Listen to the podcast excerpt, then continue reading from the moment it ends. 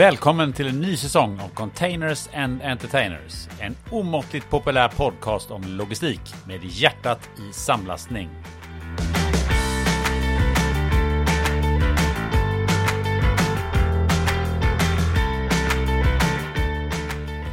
Idag så ska vi snacka flygfrakt där vi bland annat tillsammans med vår gäst Anders Wiberg ska beröra följande frågor. Hur har flyget utvecklats de senaste åren? Kommer vi få se sammanslagningar bland flygbolagen på samma sätt som hos rederierna? Flygfrakten i Ukraina-krigets skugga. Du har en kvart på dig att ta ställning till om du vill acceptera en frakt som kostar 20 miljoner. Vem bestämmer egentligen om mitt gods kommer med en flight överhuvudtaget? Vi ska dessutom toucha vid en av Nordicons företagshemligheter och naturligtvis hur mycket är Linus beredd att betala för att få hem en låda av sitt favoritvin på en dags varsel? Häng med nu!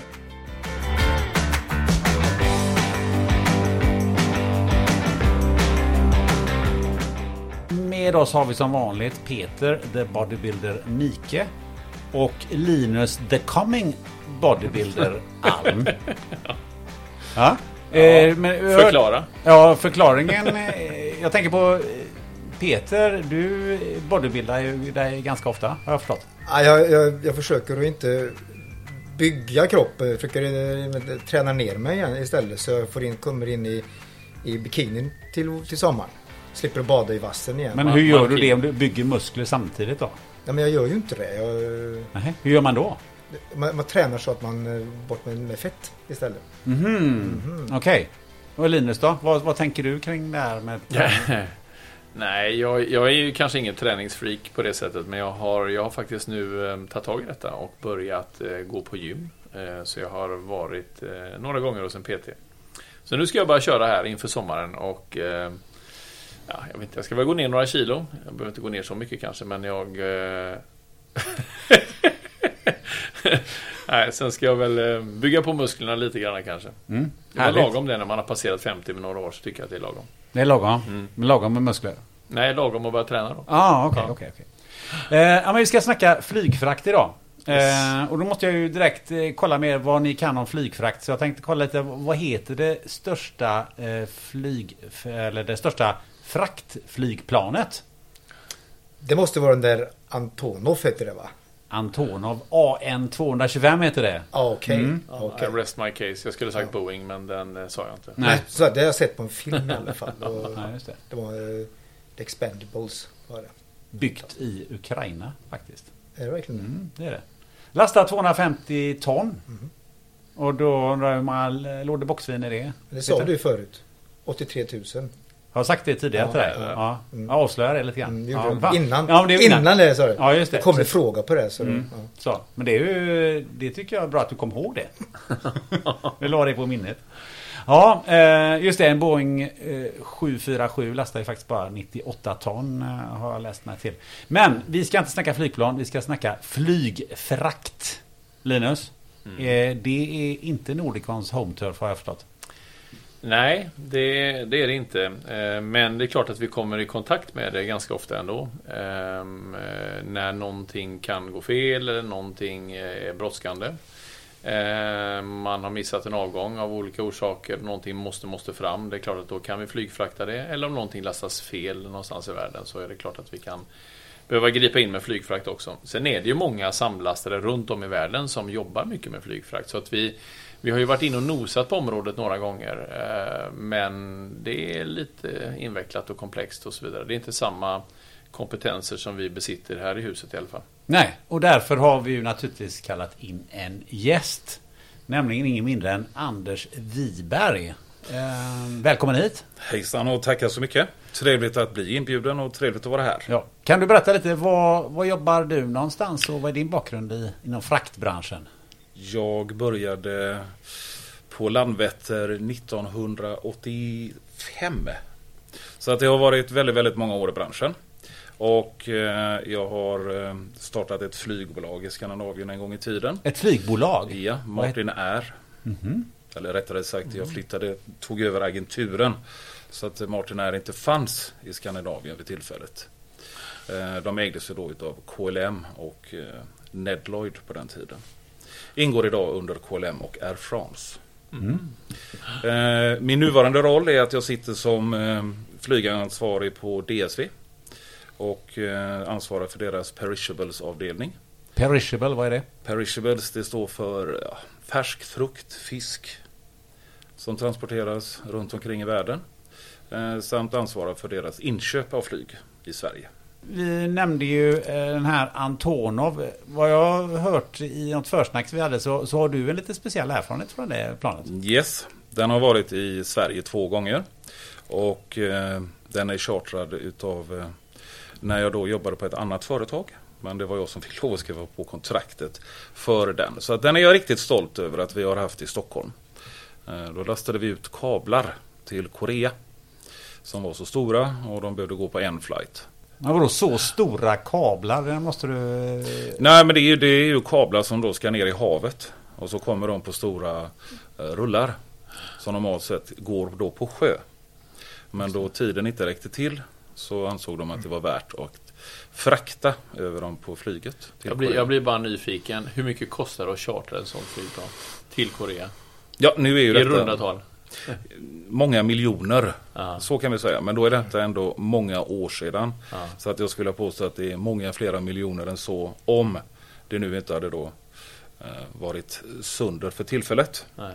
Jag tänkte vi, vi börjar lite grann i bakgrunden till, till eh, flyget. Hur, om du skulle beskriva hur har flygfrakt och flyget utvecklats de senaste 10-15 åren sådär?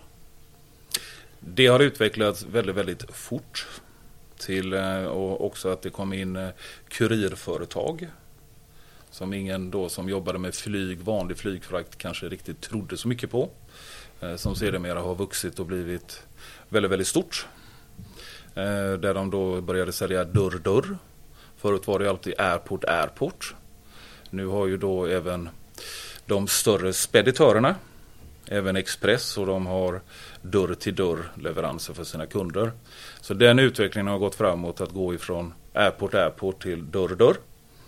Sen har ju typ av varuslag kanske ändrat sig en hel del under årens gång på vad det är man flyger. För det har ju också att göra med för ett x antal år sedan så var det ju väldigt intressant att outsourca sin transportavdelning och eh, hålla nere sina kostnader på lager och liknande. Så att då minskade man lager och så la man en del lager på flyg. Man sekvensleverera för att slippa ha det lager. Och det har ju varit väldigt modernt och eh, säkert ekonomiskt på vissa premisser. Sedermera så kanske vi då kom ikapp oss med pandemin.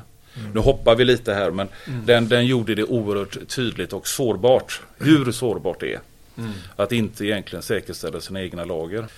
Hur stor, bara jag blir nyfiken här bara, hur stor del utav all flygfrakt går i rent kommersiella flyg och hur många går i kombinerad med passagerarflighter och sådana saker? Vad, hur är Oj. den fördelningen ungefär? Är det övervägande? Alltså, ja, alltså, eftersom packsidan är så otroligt mycket större än vad eh, freightersidan är. ja. Så är det ju... Eh, ja, jag vågar knappt ta på det men det, det jag ska, Modest då, 65 procent. Ändå majoriteten där liksom. Ja, som går på Pax, absolut. Eftersom det går så otroligt många mer. Eh, kommer vi se fler eh, fraktflyg, rena fraktflygmaskiner framöver? Eller?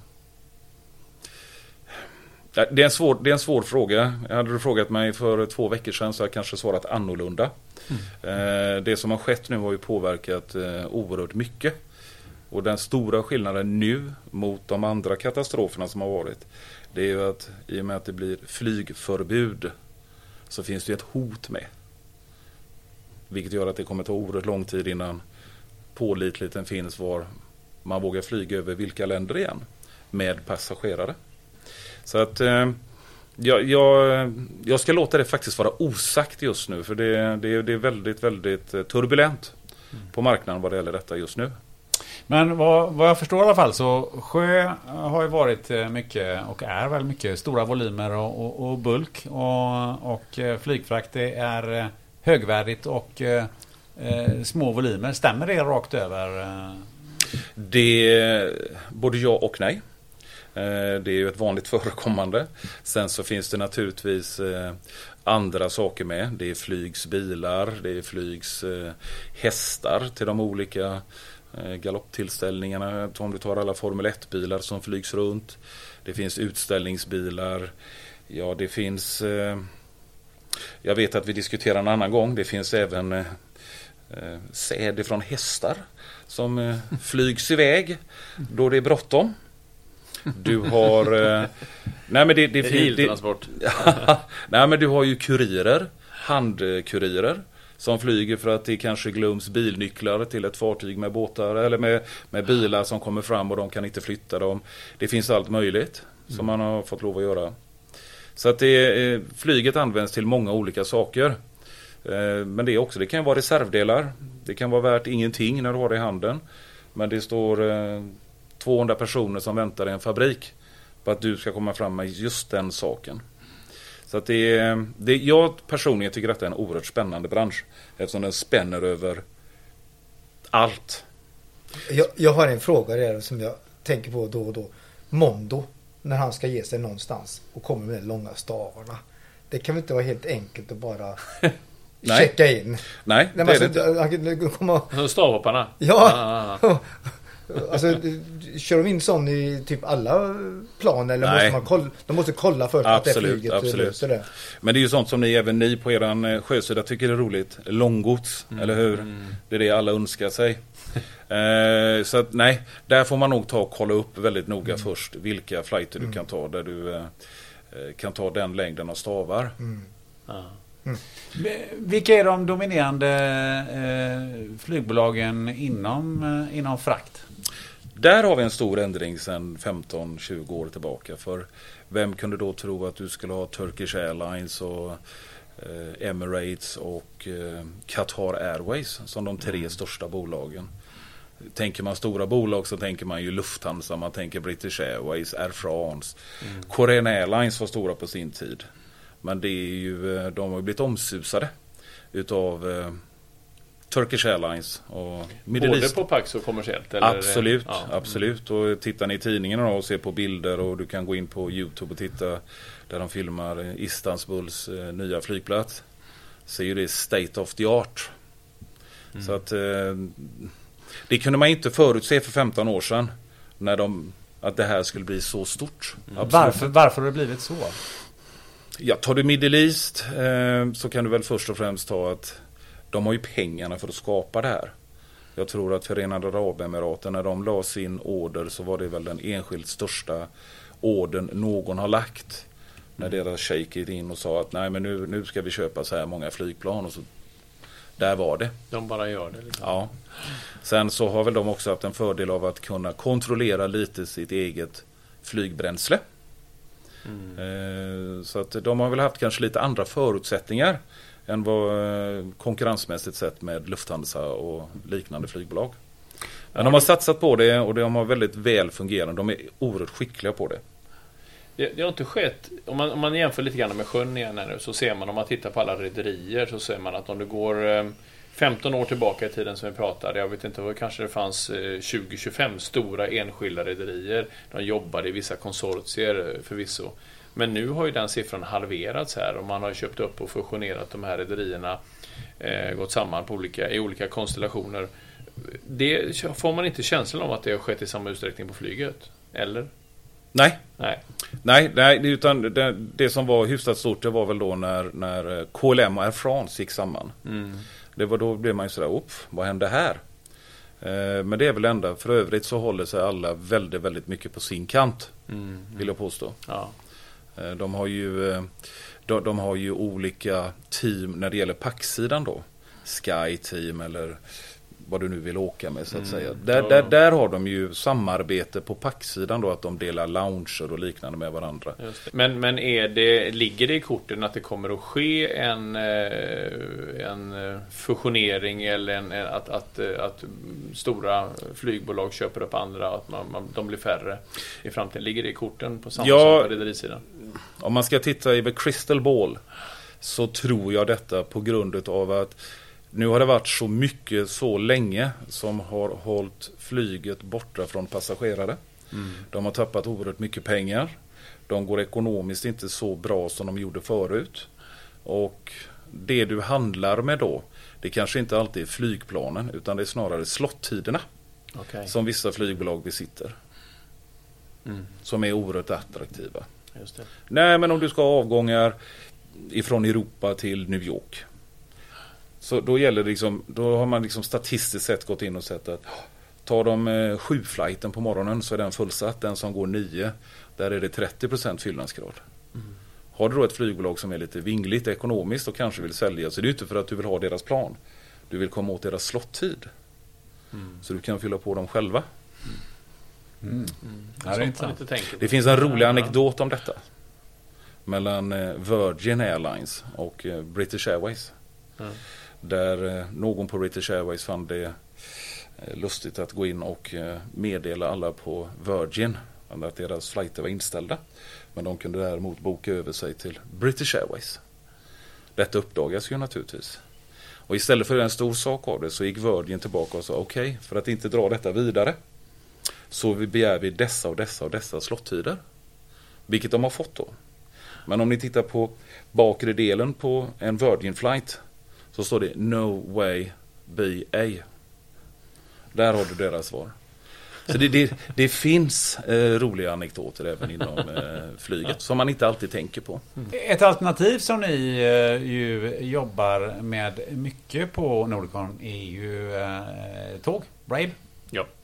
Eh, och det har ju på något sätt eh, kilat in sig lite mellan sjö och eh, flyg. Ja, precis. Det var ju en, en, eh, ett transportsätt som egentligen för eh, ja, tio år sedan var det ju, ja det var ju inte ens eh, på tal då egentligen. Eh, och nu pratar vi ju rail, järnvägen ifrån Kina.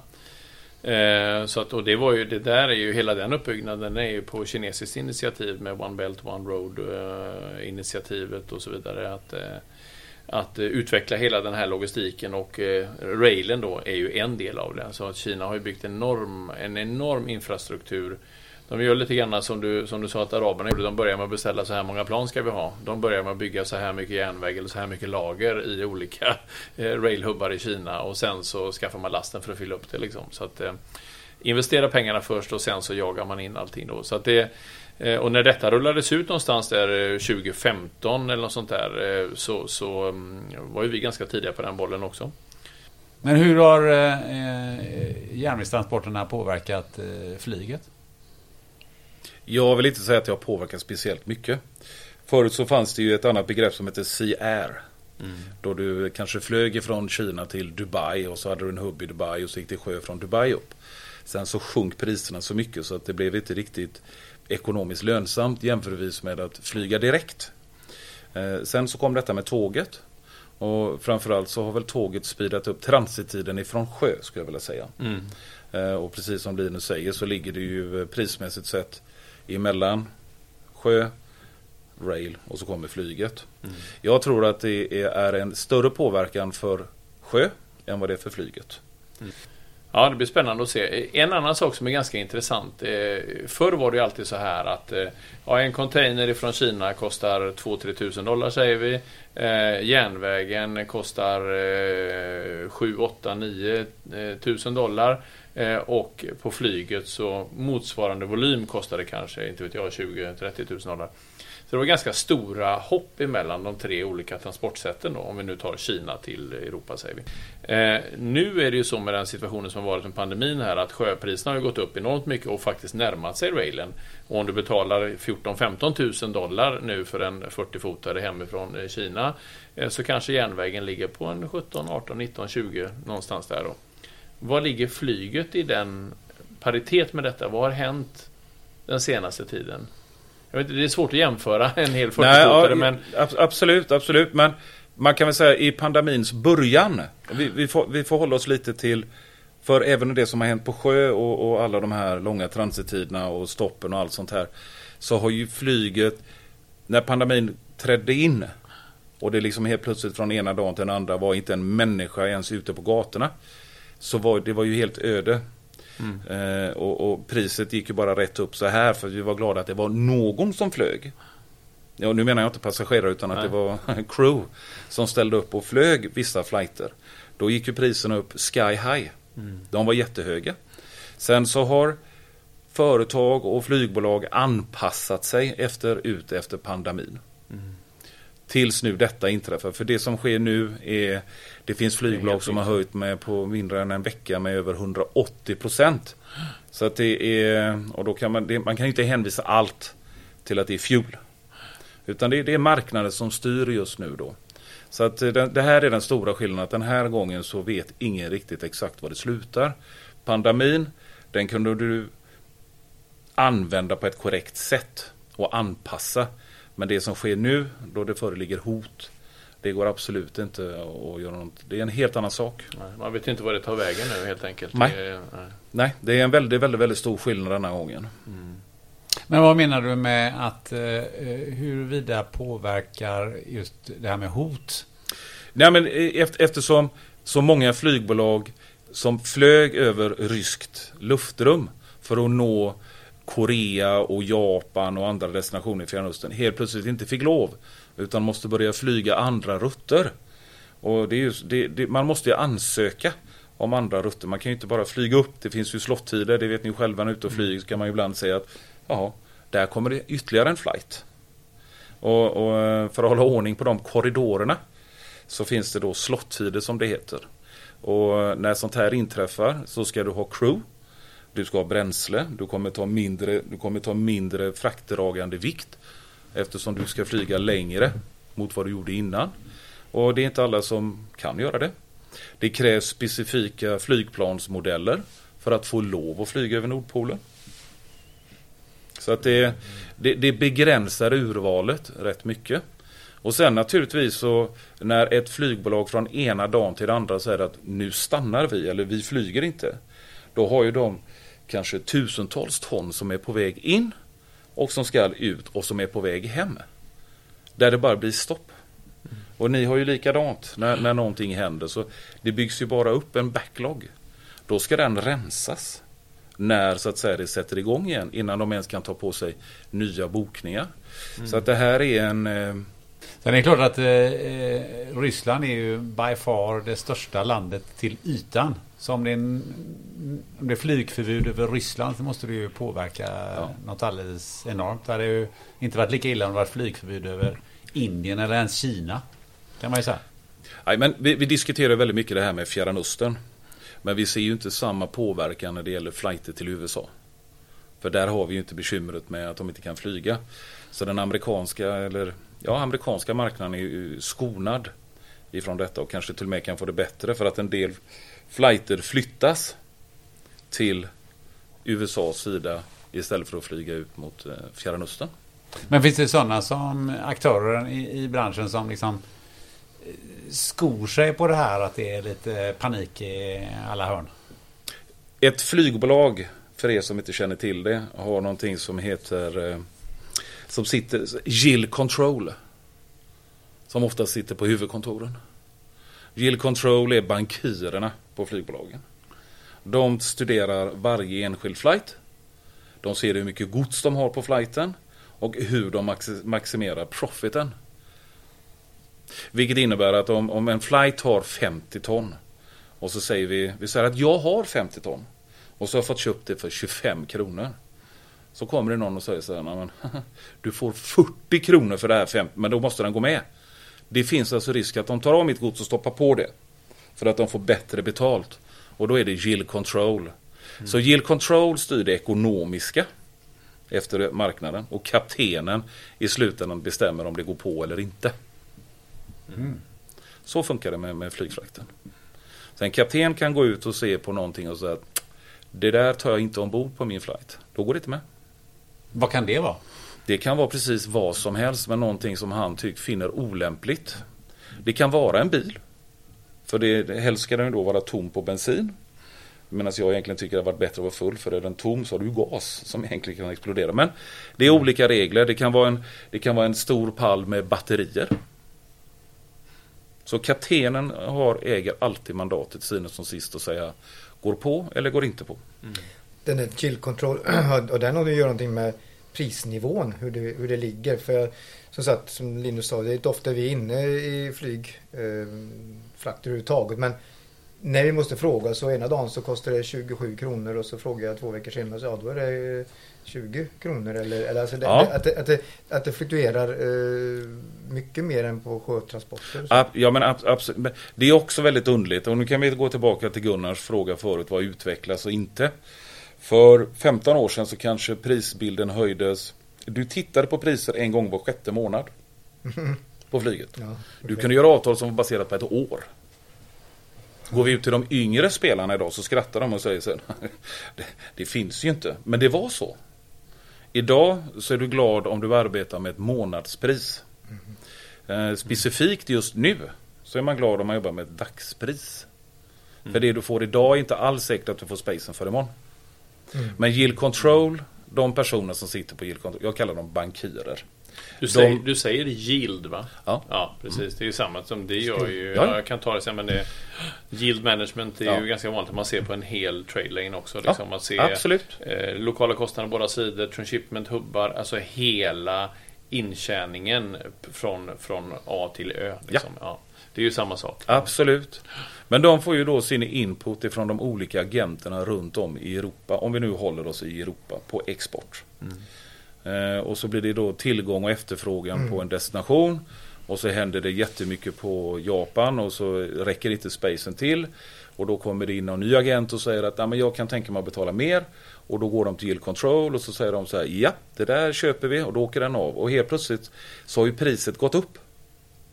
Och då måste du slå det priset för att eventuellt få på och så, och så fortsätter det. Tills efterfrågan avtar. Då sjunker det lika snabbt. Så att det, det, är, Kan- det, det är en väldigt stor skillnad idag mot vad det var förr med, med, med priser på flyg. Men kan det vara så om till exempel om någon har en bokning med ett specifikt eh, bolag och sen så, så, så kommer någon, jag måste få iväg det här och den här Gild eller vem det är så att okej, du får plats här till det här priset som är högre än vad jag har. Den. Att, jag, att jag, jag, jag tar bort min last och in med det så får mer betalt. Ja. Jaha. Det kan vara så. Det, det är inte... Affärsmannamässigt sett så är det inte så man gärna vill bygga sina relationer going forward. Eller hur? Utan, eh, men visst, det förekommer. För då, då hanterar du uttalandet i form av att jag köper space. Mm. Du kan alltid fråga flygbolagen, vad kostar det? Mm. Ja. Sen har ju flygbolagen då vanlig frakt på ett vanligt flygplan på höger sida. Och så stoppar de då priority cargo på vänstersidan. Så om ni ser när ni landar ibland så kan ni se att det åker fram en liten mindre lastkärra på vänster sida. De hanterar oftast lite mindre gods, mindre pallar. till ett betydligt mycket högre pris. Men då kanske de bara har två timmars connection till nästa flight. Och då lägger de inte det med det andra godset för att det ska ju in i terminalen här. Kommer en liten lastbil och så kör de de här bagagebilarna. Och så kör de ut i den flighten den ska med. Jag vet att eh, du nämnde för mig när vi, när vi pratades vid eh, innan Anders, Anders att eh, det eh, var väldigt mycket sådär väldigt korta beslut nu. Ja, Vad, vad beror det på? det beror på tillgång och efterfrågan. Jag kan ha samtal där de säger att okej, du har spacen eh, nu. Du har den i en kvart. Ska du ha den? Vi säger att du ska köpa ett par flighter eller liknande. Det kostar 20 miljoner kronor. Så har du en kvart på dig. att Ta beslut. 20 miljoner? Ja. Och så ringer du upp, får du ringa upp och säga att så här ligger det till. Vill du ha den? Ja eller nej? Och då är det ingen idé att fortsätta prata utan det är bättre att säga att nu lägger vi på så kan ni internt ha en diskussion. Och så ringer de tillbaka och säger ja, vi tar den. Det är inget förhandlingsutrymme då alltså? utan Det, Nej, det är bara så Nej är men alltså som situationen är nu och efterfrågan är så massiv. Eh, så är det liksom jättesnabba beslut. Ska du ha den? Ska du inte ha den? Mm. Och tar du inte den på den här kvarten så är det någon annan som tar den. Så ringer du upp och säger ja, jag tar den. Ja, jag är ledsen, den är borta. Mm. Så att det är snabba, jätte, jättesnabba beslut.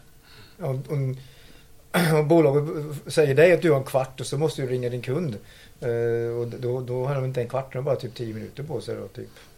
Ja, men det, det, det är ju alltid så att du har ju specifika kunder. Du har en som, grej som. Ja, Ja. Som, som du arbetar oerhört tätt med i dessa. Där du vet att här är eh, time is crucial, space eh, it's a must.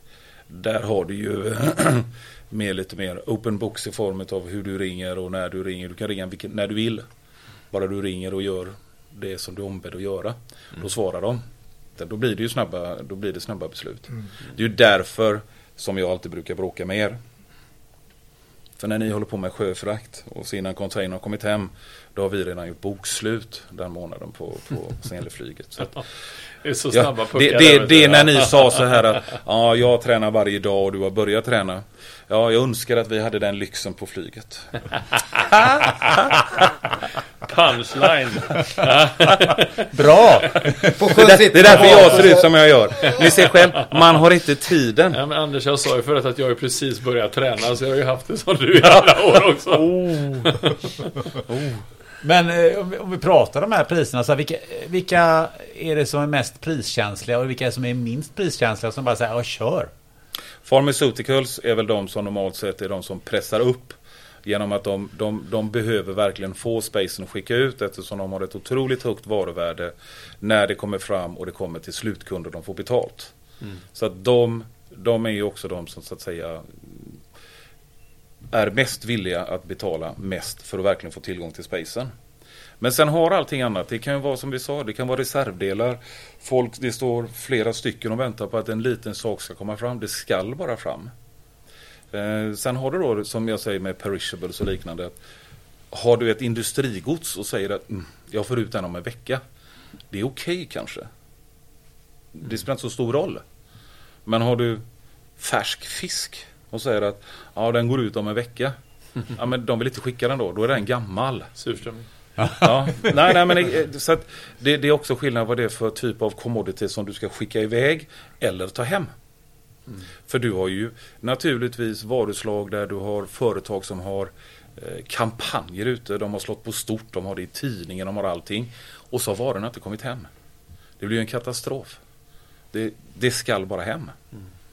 Eller du har fabriker som står stilla så ringer de två på natten och säger att ja, du får åka, ni får fixa en flight eh, till Lyon. Ni får hämta 100 kilo skruvar.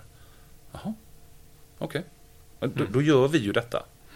Så att jag tycker då att naturligtvis att flyget är det exotiska.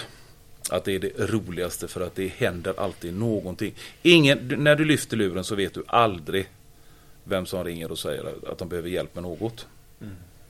Ja, det där är Ja, intressant. men jag, jag ser det, alltså, eller jag förstår det, eh, att, att det är så. För jag ser det lite grann i fallande skala. Vi tycker ju att samlastningen på sjö är ganska exotisk kontra ett rederi. Ja, Där det är liksom, det är att flytta papper, det är container efter container, det är manifest. Det är liksom det.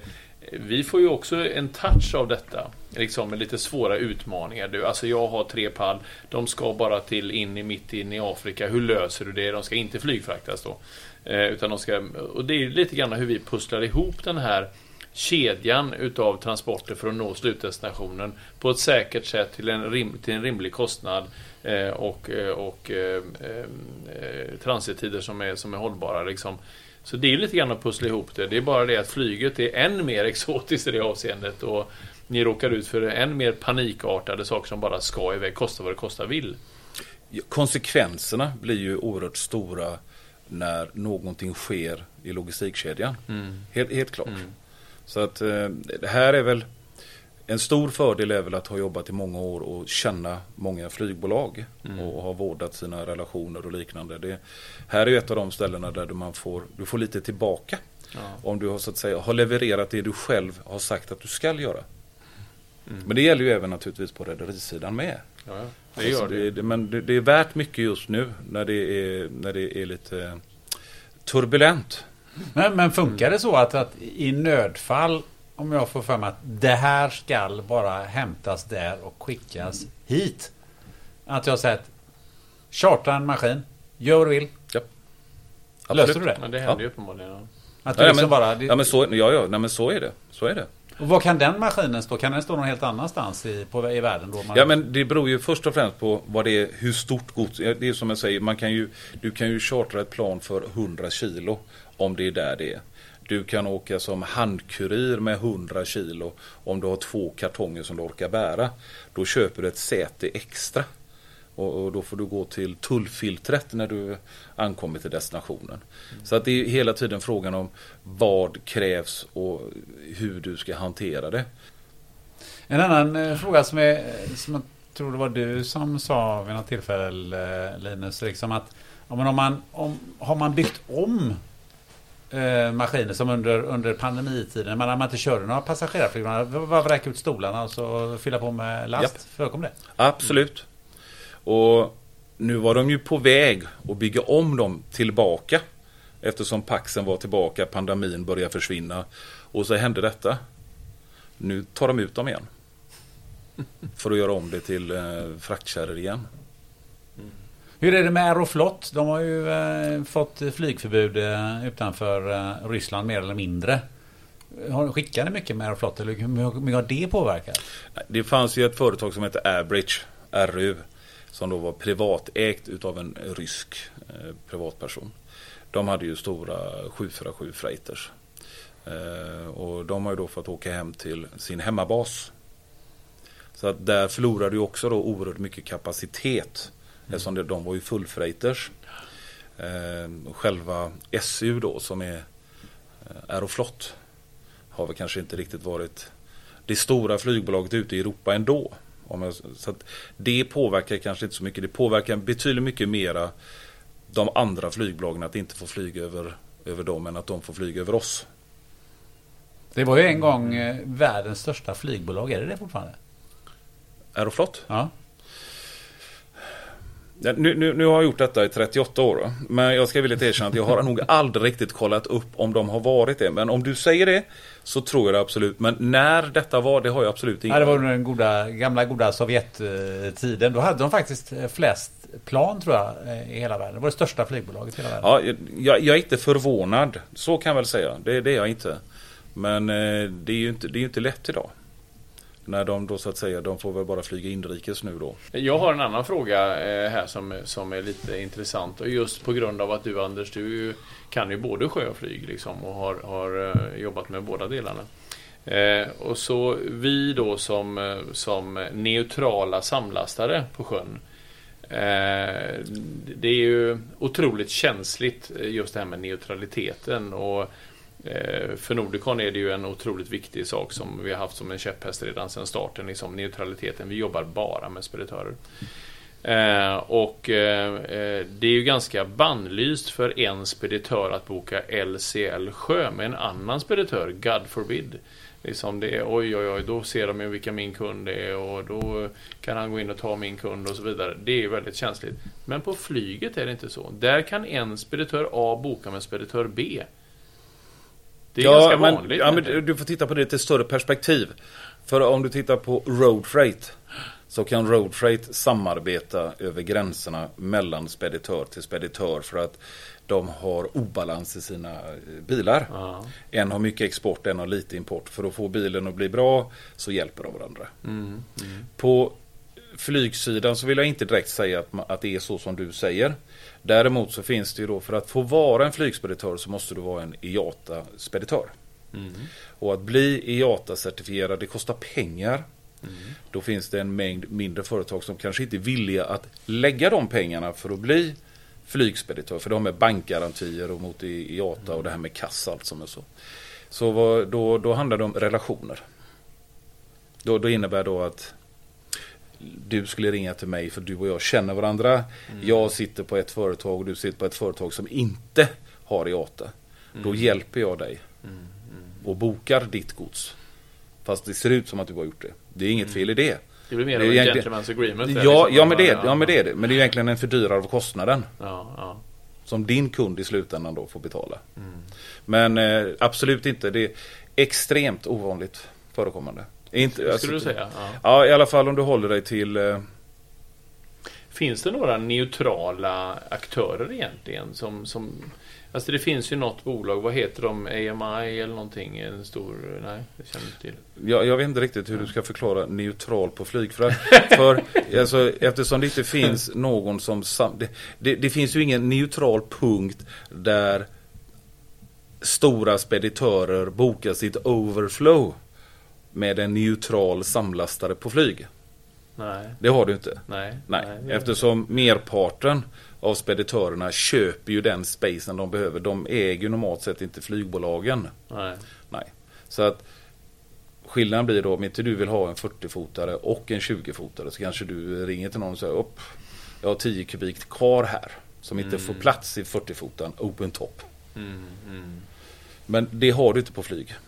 Nej. Så att det här med att hjälpa varandra i den bemärkelsen som de kanske gör på road freight. Nej. Men då de, de, eh, det finns ju många speditörer som ändå kommer i kontakt med flygfrakt. Deras kund kräver att de ska erbjuda även flygfrakt. Och sen, sen är de inte IATA Ja. och då måste de ju gå till en annan speditör. Då. Ja, Har de inga betänkligheter med att gå till en annan speditör med risk för att förlora den flygfrakten då, till, till eh, den speditören man Ja, men då, då, kanske de ring, nej, men då kanske de ringer någon de känner. Men då blir ju avtalet mellan den speditören och den andra speditören som ringer. Ja. De har ju normalt sett inte kontakt med, med kunden men sen som sist så vet de ju vem kunden är. Mm. Eftersom det är på hans AVBR eller hennes AVBR. Skulle ju kunna fungera likaledes på sjön egentligen. Men Absolut. det gör det ju väldigt, väldigt sällan. Ja. Men du menar att du gör det väldigt sällan på, på flyget också? Alltså. Så att, eh, ja. Jag kanske, Ja, har- jag jag skulle kanske har vilja- en felaktig bild av Nej, nej jag, tror inte, jag vet inte om det är felaktigt. Men jag, jag vill säga att eh, den är otroligt ovanlig. Mm. Jag eh, kanske har stött på den två gånger under alla år jag hållit på. Oj. Nu var det sådär modest igen var det. Absolut. Ja, du säger du har fel Linus. Nej, det var inte fel men... eh, Han kanske har pratat med någon av de här två procenten. Och har han då pratat med båda Alltså, men- Så är det ju många. jag fundera på vad allt han säger. Han är så modest i allting så att... Ja, men liksom så här att, ja, nej, nej, du har inte fel. Det är bara att jag har jobbat 38 år. Och, Ja. Det, det, det känns, känns så konstigt. Du är ju van att aldrig Men det säga sa jag emot inte. Jag sa så här. Jag har bara stött på det två gånger under tiden som jag har jobbat med det. Jag poängterade inte 38 Men, år. men det den här hände säkert Linus. Men du känner tydligen dessa två procenten. Ja, det, Ja. Så att du har ju 100% Och det är det utdelning jag det. känner så är Ja, det 100 procent. ja du ser. Det var inte ens 2 procent vi pratade om. Det var två gånger. Ja. Men jag vill inte sänka detta till den nivån. Nej. Ja, det är bra Gunnar. Ja, ja. Okej då, vi, vi Har, har du mer intressanta aspekter som du har stött på på flygfrakten Linus? Som är väldigt vanliga. Ja, som är ovanligt vanliga. Nej, det här var den saken som jag satt och funderade på just nu. Jag tycker fortfarande att det är ändå... De andra grejerna är lite mer ovanliga. Nej, men jag tycker mig ha hört genom, eh, genom eh, åren liksom att det är många speditörer som inte är i ATA som, som faktiskt använder en annan speditör som sitt, sin lösning för flygfrakt. Liksom. Och, och då har jag tänkt när jag har hört det, liksom, aha, det går bra, det gör du utan betänkligheter, men på sjön skulle du aldrig göra det, för då är man livrädd. Liksom. Ja, men vänd på det då. Den speditören är ju ingen flygspeditör. Nej. Idag ska du dessutom vara certifierade personer för Dangerous Cargo. För att, för att kunna vara detta. Och det kostar också pengar och det ska anlitas folk som gör Det är detta. kanske där det ligger väldigt mycket, att det är ganska mycket kostnader förbundet med att vara en flygspeditör. Ja men det är det. Ja, Så att egentligen om, om du nu är en sjöspeditör utan att ha flygspelare hos dig. Mm. Så jag som flygspeditör, du är egentligen bara en kund till mig. Mm. Då, då är det egentligen inte så konstigt. Nej. Eller hur? Då är det inte frågan om att du hjälper. Du, du är en kund som alla andra i, Mm. i den bemärkelsen.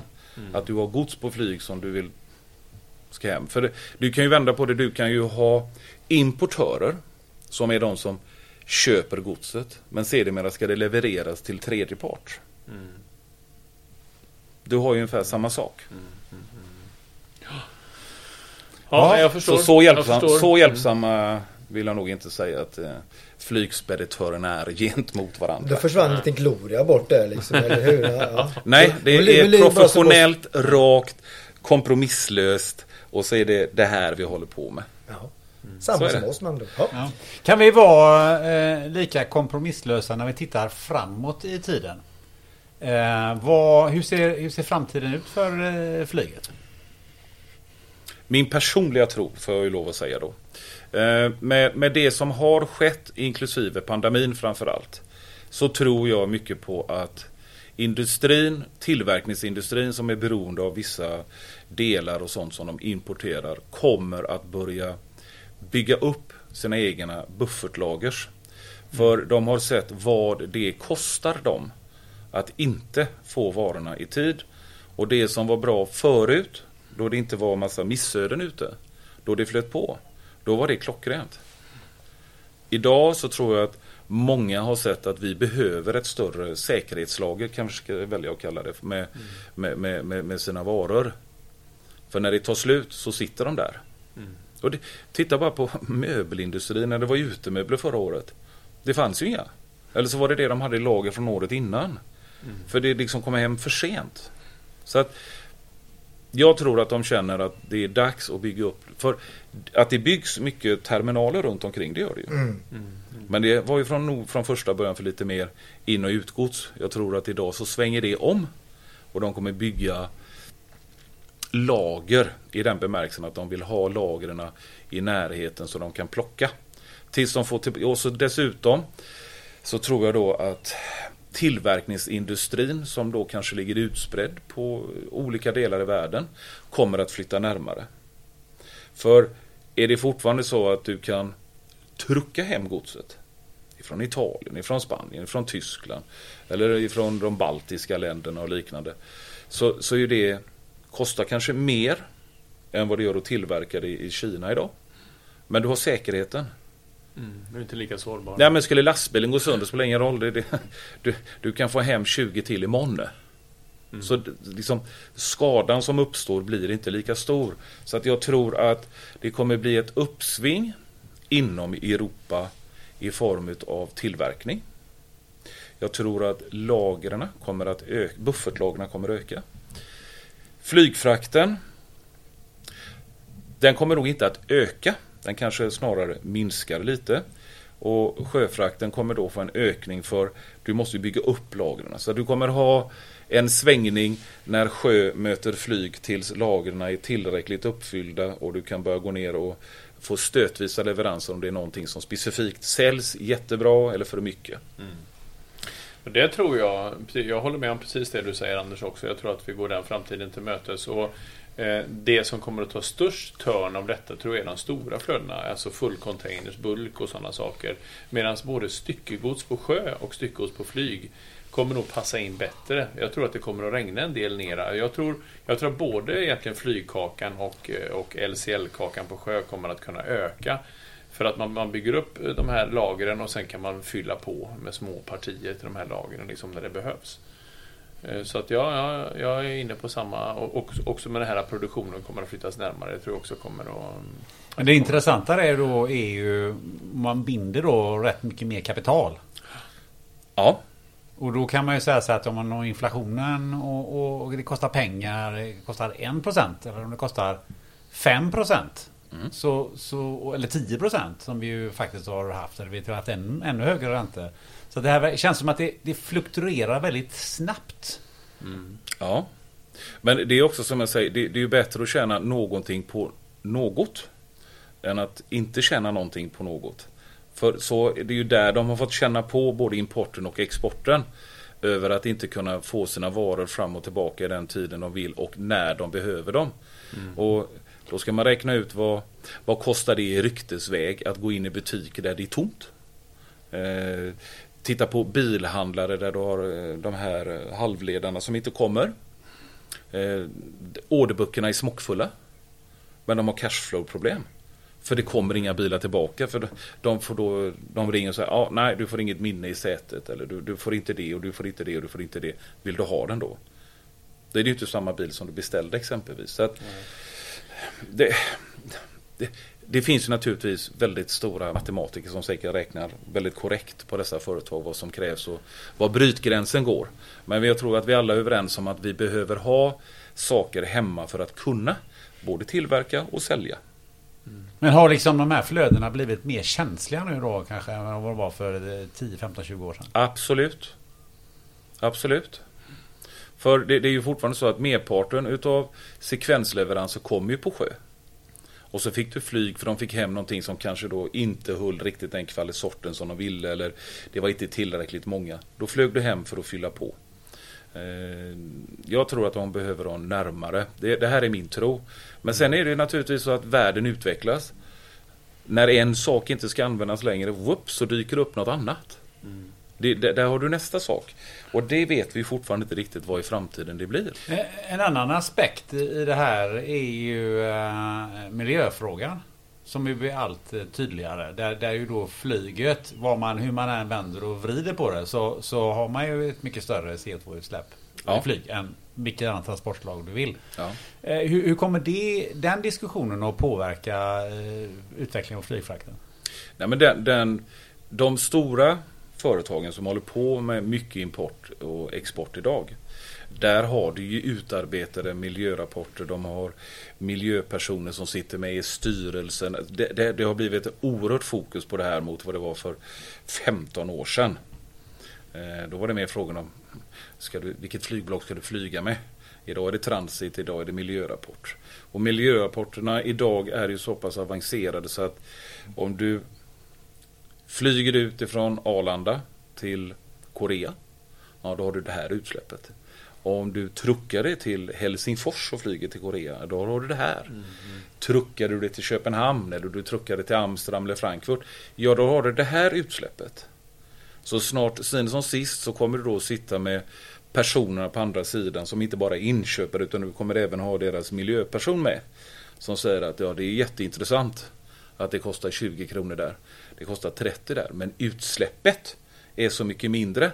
Och vi som företag vi ska då arbeta för grön miljö. Så det blir det. Och sen naturligtvis de nya flygplanen har bättre motorer på samma sätt som de har på, på rederisidan. Eh, så att där kommer ju nästa naturliga utveckling också ske. Vad det gäller. För som det är nu så är ju flyget en miljöbov om man ska se till flygbränslet som de släpper ut. Eh, Sker då innovationer där också? Ja, det gör det. Fast det naturligtvis så kommer det bli lite så här, ska du gå och sätta dig på ett elektriskt plan så, så, kommer jag, så kommer jag kanske avvakta lite. Jag kanske inte är den som kommer ställa mig först i kön. Eh, Men det är som allt annat, det, det kommer ju, det, naturligtvis det är på gång. De är ju långt framme i det här. För någonting måste de göra. Nej, vad jag förstår så är det long distance kommer nog aldrig bli någon elflyg. Det är väl i princip i alla fall inom, inom rimlig tid kan man väl i alla fall säga. Nej, men det, det, ligger, det ligger mycket i det naturligtvis. Det, det är helt klart. Sen, sen har du det här med drönare som släpper paket på de konstiga ställen och liknande. Och ser du den yngre generationen av köpare som älskar e-handel. De, de lever ju ett annat liv med flygfrakten. Om du då tar företag som Amazon som går in och köper egna flygplan för att de ska kunna serva sina kunder bättre. Så det, det, det finns det är olika saker, olika segment. Men e-handeln var ju också någonting som inte riktigt för 15 år sedan var någon som direkt sa att "Ja, det är där, det är, så kommer det att bli. Det var ju mer så här, ja, ja. vi, vi tar det sen. Nej, för just det här med, med elflyg. eh, Jag pratade med någon som hade insikt i det här och sa det att regionalflyget kommer få en väldigt stort uppsving. Alltså flyga mellan eh, Sundsvall och Umeå eller något sånt där. För om man har elflyg så, på, så, så, så är det inte negativt för, för miljön. Utan betydligt mer hållbart. Ja. Och, och då har man plötsligt speedat upp eh, eh, förflyttning på, på regional nivå. Absolut. Så att flyget kan öka, alltså regionala flygplatser till exempel, så att det kan öka i, i omfattning. Eh, medan de här long distance eh, ja, flyg från hit till New York eller eh, något sånt där så är, är eh, kanske... Ja, men det, det kommer ju naturligtvis vara lättare eftersom vi pratar om mindre flygplan som, som kör de regionala än att du ska försöka lyfta upp en med 400 passagerare ombord med bagage och lite frakt. Då kommer det krävas eh, otroligt stora elmotorer. Och den, där är de inte riktigt än för jag tror aldrig den kommer upp i backen då. Men en i alla fall. Nej. En, Men, en eh, Anton, Antonov i el med över 250 ton kapacitet lär vi kanske inte se under vår livstid. Nej, jag, jag, nej, jag tvivlar på det. det, det, det där är vi helt överens du och jag. Ja, vad härligt. Ja, Va? det har vi varit hela tiden. Ja, ja, ja, ja, ja, men det är jag. Jo, jag känner det. Det är väl mer eh, du och Linus som har eh, haft med lite olika beroende på vad som är vanligt och inte Ja, vanligt. men han, jag vet inte vilka han pratar med som han pratar med de här ovanliga personerna som... eh, Utanför flygfältet. Ja, exakt. Ovanliga i branschen. Nej då. Ja, nej men eh, jag tänkte att vi skulle börja och avrunda här. Har vi, har vi någonting som, som ni tycker, några frågor som eh, Peter och Linus som, som ni eh, skulle vilja ställa ytterligare eller om Anders om du har någonting som du känner att men det här har vi inte berört, det borde vi prata om. Så tänkte jag lämna ordet fritt. Jag känner inte att jag har... Jag, jag tycker bara det här har varit otroligt roligt. Det har varit trevligt att vara här. Och sen är det alltid kul att bli utmanad lite grann. Eh, det är ju alltid önskvärt. Och, och sen då som sagt vad har man gjort det i många år så är det alltid roligt att, att få damma av lite och se skogen för alla trän. Eh, Men jag kan trots allt säga, även om man har gjort det i så många år så är det fortfarande en oerhört fascinerande bransch att vara i. Den blir aldrig tråkig i alla fall. Och det, det sker ju förändringar hela tiden Ja. oavsett om det är flyg eller sjö eller vad det är. Men Absolut. alltså, det är ju en, en bransch som är i konstant förändring och påverkas av omvärlden något så enormt. Så man, man kan ju aldrig somna till i den här branschen, det är klart. Nej, Nej. det var härligt.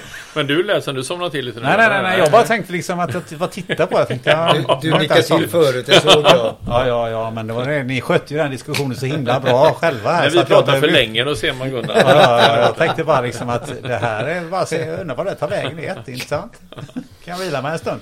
Tycker ni gjorde det jättebra. Ja, men, eh, vad, vad säger ni då Peter och och Linus? Vad, vart, vart, om vi, ni skulle sammanfatta det här. Vad, vad, hur ser ni på Nordicon och, och flygfrakt eh, framöver? Finns det någonting som ni ser i eran kristallkula?